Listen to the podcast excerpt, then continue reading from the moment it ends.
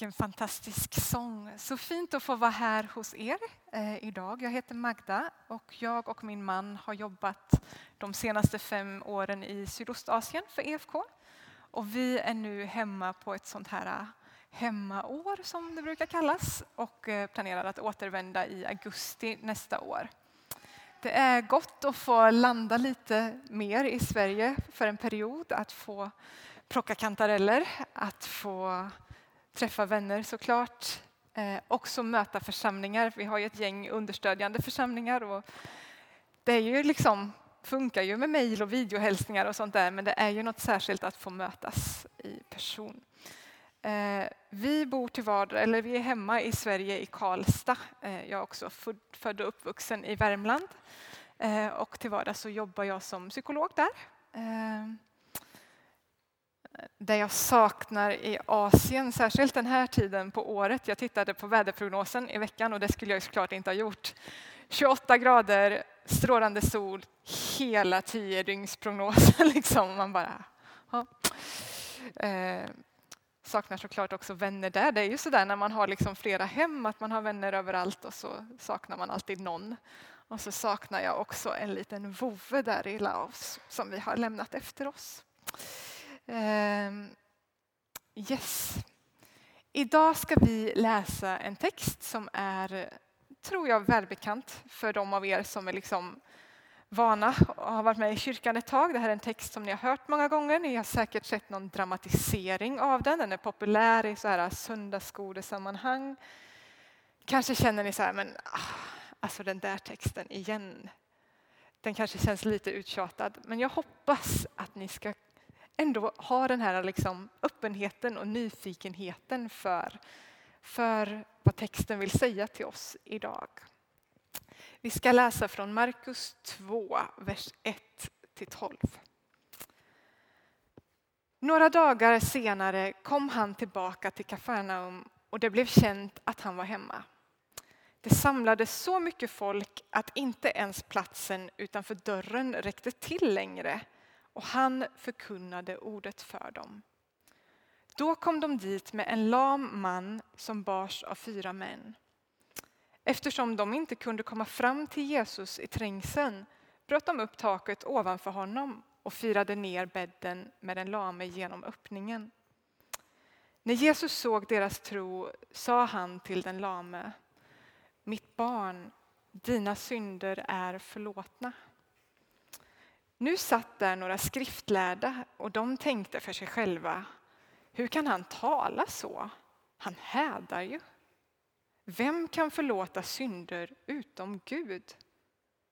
Jesus förstod i sin ande vad de tänkte och sa till dem, hur kan ni tänka så i era hjärtan? Vilket är lättast, att säga till den lame, dina synder är förlåtna, eller att säga, stig upp, ta din bädd och gå.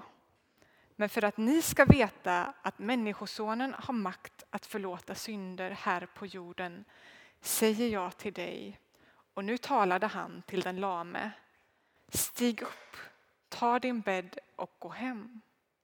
Och mannen steg upp, tog genast sin bädd och gick ut i allas åsyn så att de häpnade och prisade Gud och sa Aldrig har vi sett något sådant.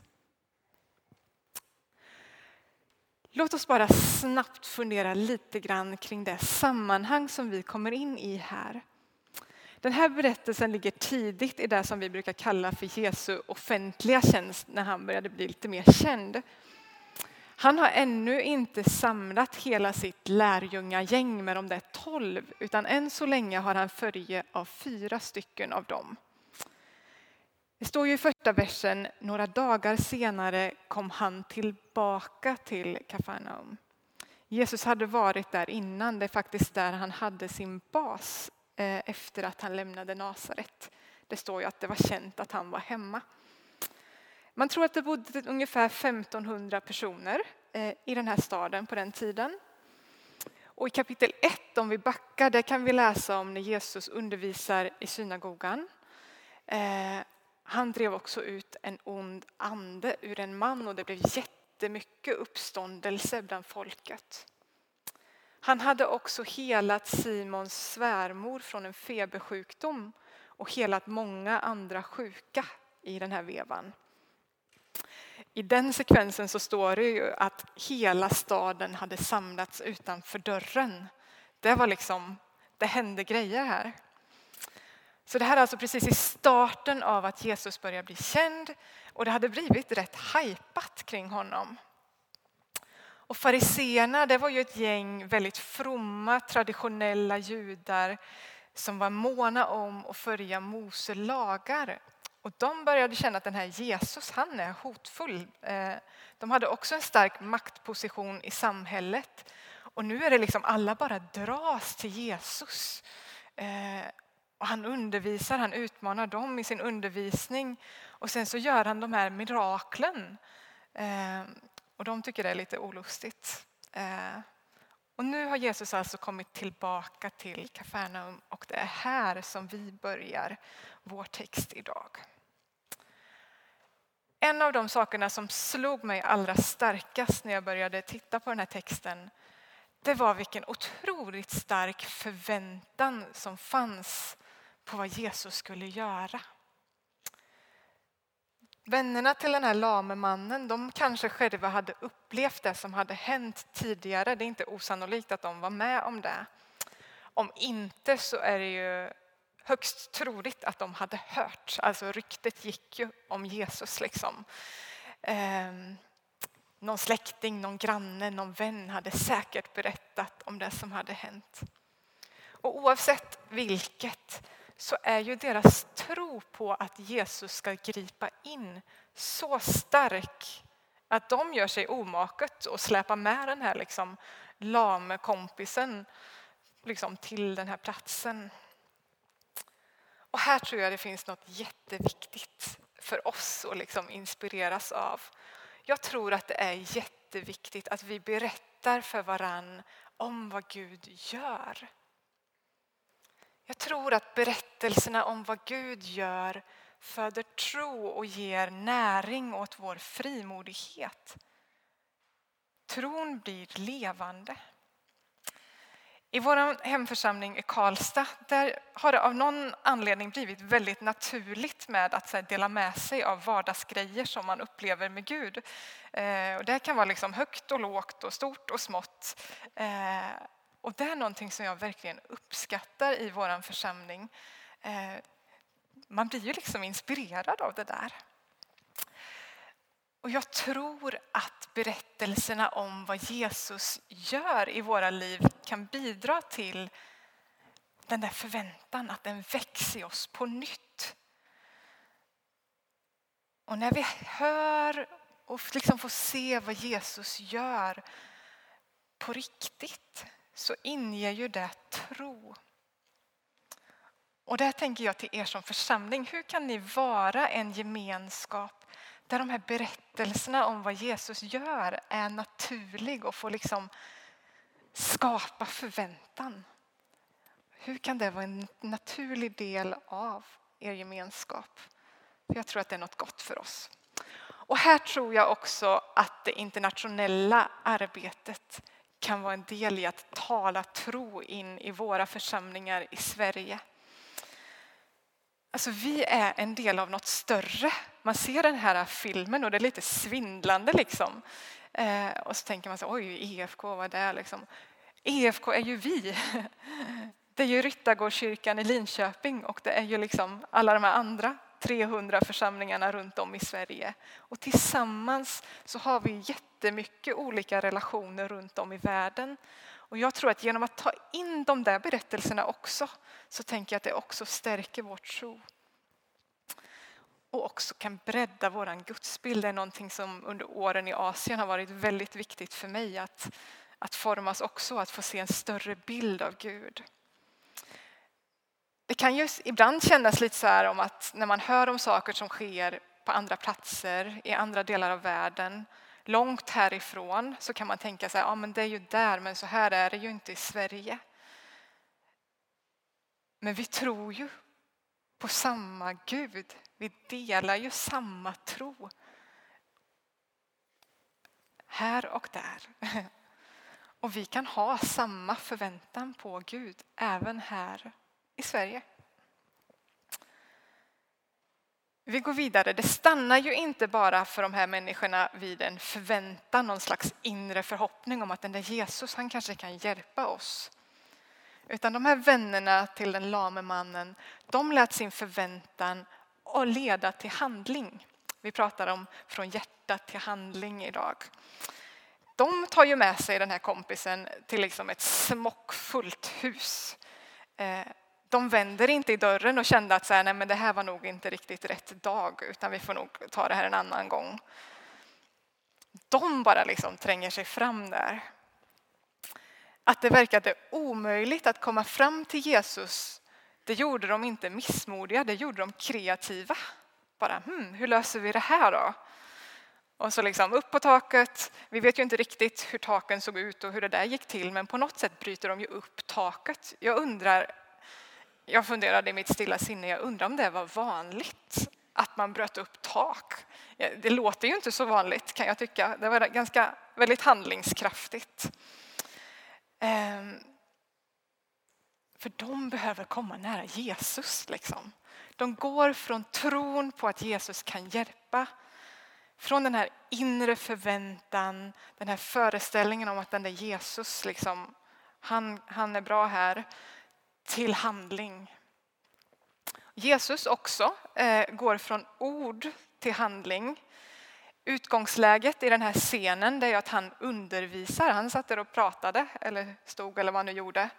Men sen blev det också verkstad. Han förlåter och han helar. Och det här med att ord och gärningar går hand i hand. När jag tänkte på temat från hjärta till handling då direkt kom jag att tänka på vår vän i Asien. Han är pastor i en församling och ledare för en nationell församlingsrörelse. Eh, I grunden så är han risbonde han älskar när han får liksom stövla ut till sin fiskdamm ute på risfälten bakom huset. Då är han i sitt esse. Han har en hobby av att eh, föda upp råttor i en liten cementtunna som, som sedan smarrigt tillagas, grillas. Eh, han bjuder gärna på eh, grillad råtta och ris för den som har lust. Eh, och för den här mannen så faller det sig så otroligt naturligt att tro och handlingar går hand i hand. Varje gång som vi träffar honom så berättar han om så här, ah, men nu i veckan så har jag varit och hämtat några ungdomar från landsbygden på busstationen. Jag känner inte dem, men de hade mitt telefonnummer och de visste inte vart de skulle ta vägen. Så vi tog hem dem hit till kyrkan och så gav vi dem lite mat och de fick sova här och så tog vi hand om dem och hjälpte dem att landa i staden. Eller så har han varit på sjukhuset eh, och besökt någon där. Liksom. Ehm, i vår kontext så är man beroende av liksom närstående eller anhöriga som hjälper en på sjukhuset som fixar med medicin och mat och sånt där. Så där kan han ha varit. Eller så har han liksom skjutsat runt på några killar som behöver jobb och sett till att, så att de hittar något ställe där de kan jobba som är tryggt. Eller så eh, har han varit på en syfabrik och besökt församlingsmedlemmar som jobbar där och uppmuntrat dem i, i tron. Och han och hans fru de är så, de har det inte gott ställt. Eh, men det hindrar inte dem från att vara generösa och gästfria. Och genom den här väldigt handfasta, praktiska hjälpen är det många människor som kommer till tro. Och jag tycker det är så uppmuntrande och så utmanande att se hur praktiska handlingar gör skillnad i människors liv och i Guds rike. Och det där tänker jag är någonting för oss alla att fundera kring. Hur ser det ut när tron i mitt liv går från hjärta till handling? Att ord och handling går hand i hand, det är ofta, skulle jag säga, någonting som genomsyrar hur vi jobbar med mission. Eh, det kan såklart se väldigt olika ut i olika typer av arbete, men många gånger så är det väldigt naturligt. Eh, och ibland tror jag att vi kanske är bättre på det i det internationella arbetet än vad vi är i våra församlingar i Sverige. Och vi såg några fina exempel på det här i, i filmen eh, om arbetet i Grekland som ni med och stödjer, eh, där EFK stödjer ett litet syföretag eh, som ger yrkesträning till de här kvinnorna som har varit i utsatta situationer för att ge möjlighet till ett nytt hopp, ett nytt liv. Eller i Centralafrikanska republiken där den lokala församlingsrörelsen kliver fram och tar ett samhällsansvar med utbildning, sjukvård, fattigdomsbekämpning och något väldigt konkret som att hjälpa människor till försörjning med, genom tvårtillverkning. Eller i Mongoliet där församlingsrörelsen bemöter klimatförändringar genom att borra brunnar och plantera träd. Tron tar sig uttryck i praktisk handling. Det tycker jag är så häftigt att, se. Och så den tredje aspekten som jag vill lyfta idag. Det är att vi får komma till Gud med det som är brustet. Den här berättelsen blir en så konkret bild på det. De här liksom den lame mannen han hissas ner rakt framför Jesus. Jesus kan liksom inte riktigt ta fel på att de här vill nog ha lite hjälp här. Men vad är brustenhet egentligen? Vad är, alltså ser man de här, den här filmen, hör Sofias berättelse så finns det ju så mycket brustenhet och orättvisa runt om i vår värld. Men också så vad som är brustet i våra liv. Och jag tänker att det kan handla om massa olika saker.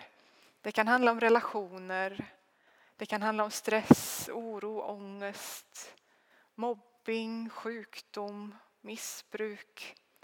Eller kanske en trasig relation med Gud. Och vad är det som hindrar oss från att komma med det brustna till Jesus?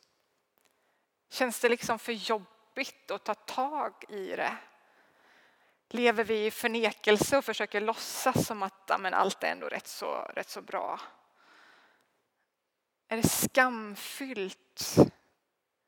Är vi rädda för vad andra tänker? Eller är vi kanske rädda för vad Gud tänker? Vi vet inte riktigt säkert hur man såg på människor med funktionsnedsättningar på Jesus tid. Men det är inte osannolikt att de här personerna var förskjutna från samhällsgemenskapen.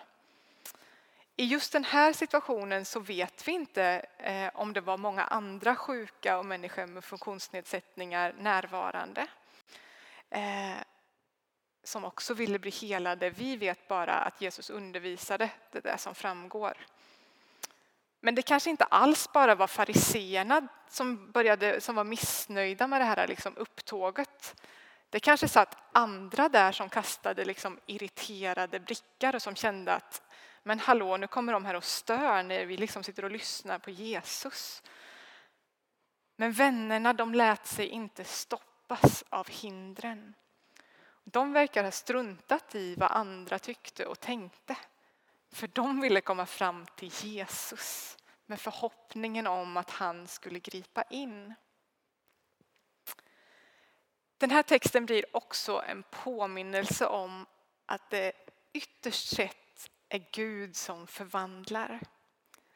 Vi får vara delaktiga i det han gör. Vi får vara delaktiga i Guds mission i världen och det är häftigt. Vi får gå från hjärta till handling i våra liv, i vår tro. Och vi får ta oss an stora samhällsutmaningar i det internationella arbetet för att Jesus ska bli synlig. Men i slutändan så är det Gud som har makt att förvandla människan och världen. I slutändan är det upp till honom att gripa in. Och i slutändan är det Gud som är Gud. Vi ska landa. Eh, I den här texten som är så välbekant för många av oss så har vi fått smittas av förväntan. Den där Jesus alltså. alla pratade om, om honom och vad han gjorde. Vad kan du berätta om att Jesus har gjort i ditt liv? Hur kan ni som gemenskap vara en plats där berättelserna om Jesus är levande och närvarande? Hur kan vi än mer fyllas av en förväntan på vad Gud ska göra? Och hur kan vi vara engagerade i det som sker runt om i världen i det internationella arbetet och låta de berättelserna komma nära och tala tro in i vårt sammanhang. Vi har också fått utmanas av hur tron går från hjärta till handling. Ord och gärningar, hand i hand. En helhetssyn på evangeliet. Vi har så mycket som vi kan vara stolta över i det internationella arbetet. Det finns så mycket att lära. Det är ju inte bara i Grekland eller i Centralafrikanska republiken eller Mongoliet som tron får liksom omsättas i praktisk handling utan det gäller oss. Precis här där vi är. Och vi får gå från hjärta till handling. Och slutligen så inbjuds vi att komma till Jesus med det som är brustet. Det kanske känns jobbigt. Det kanske är skamfyllt. Du kanske hindras av vad andra ska tycka och tänka. Men i slutändan så är det Gud och bara Gud som har makt och förmåga att förvandla. Han vill upprätta och hela. Han vill bjuda oss in i sin närhet. Det är stort. Vi ber. Tack Gud eh, att du är levande och verklig. Tack för att vi får höra berättelserna om vad du har gjort genom historien, runt om i vår värld, men också eh, i våra liv, Gud. Ber att du skulle väcka en ny förväntan i oss Eh, på att se, se mer av dig. Ber att du skulle hjälpa oss att låta tron också ta sig praktiska uttryck. Att du gör oss frimodiga, Gud. Tack för att du är god. Tack för att du är trofast. Och tack för att du vill upprätta och hela det som är brustet. I Jesu namn. Amen.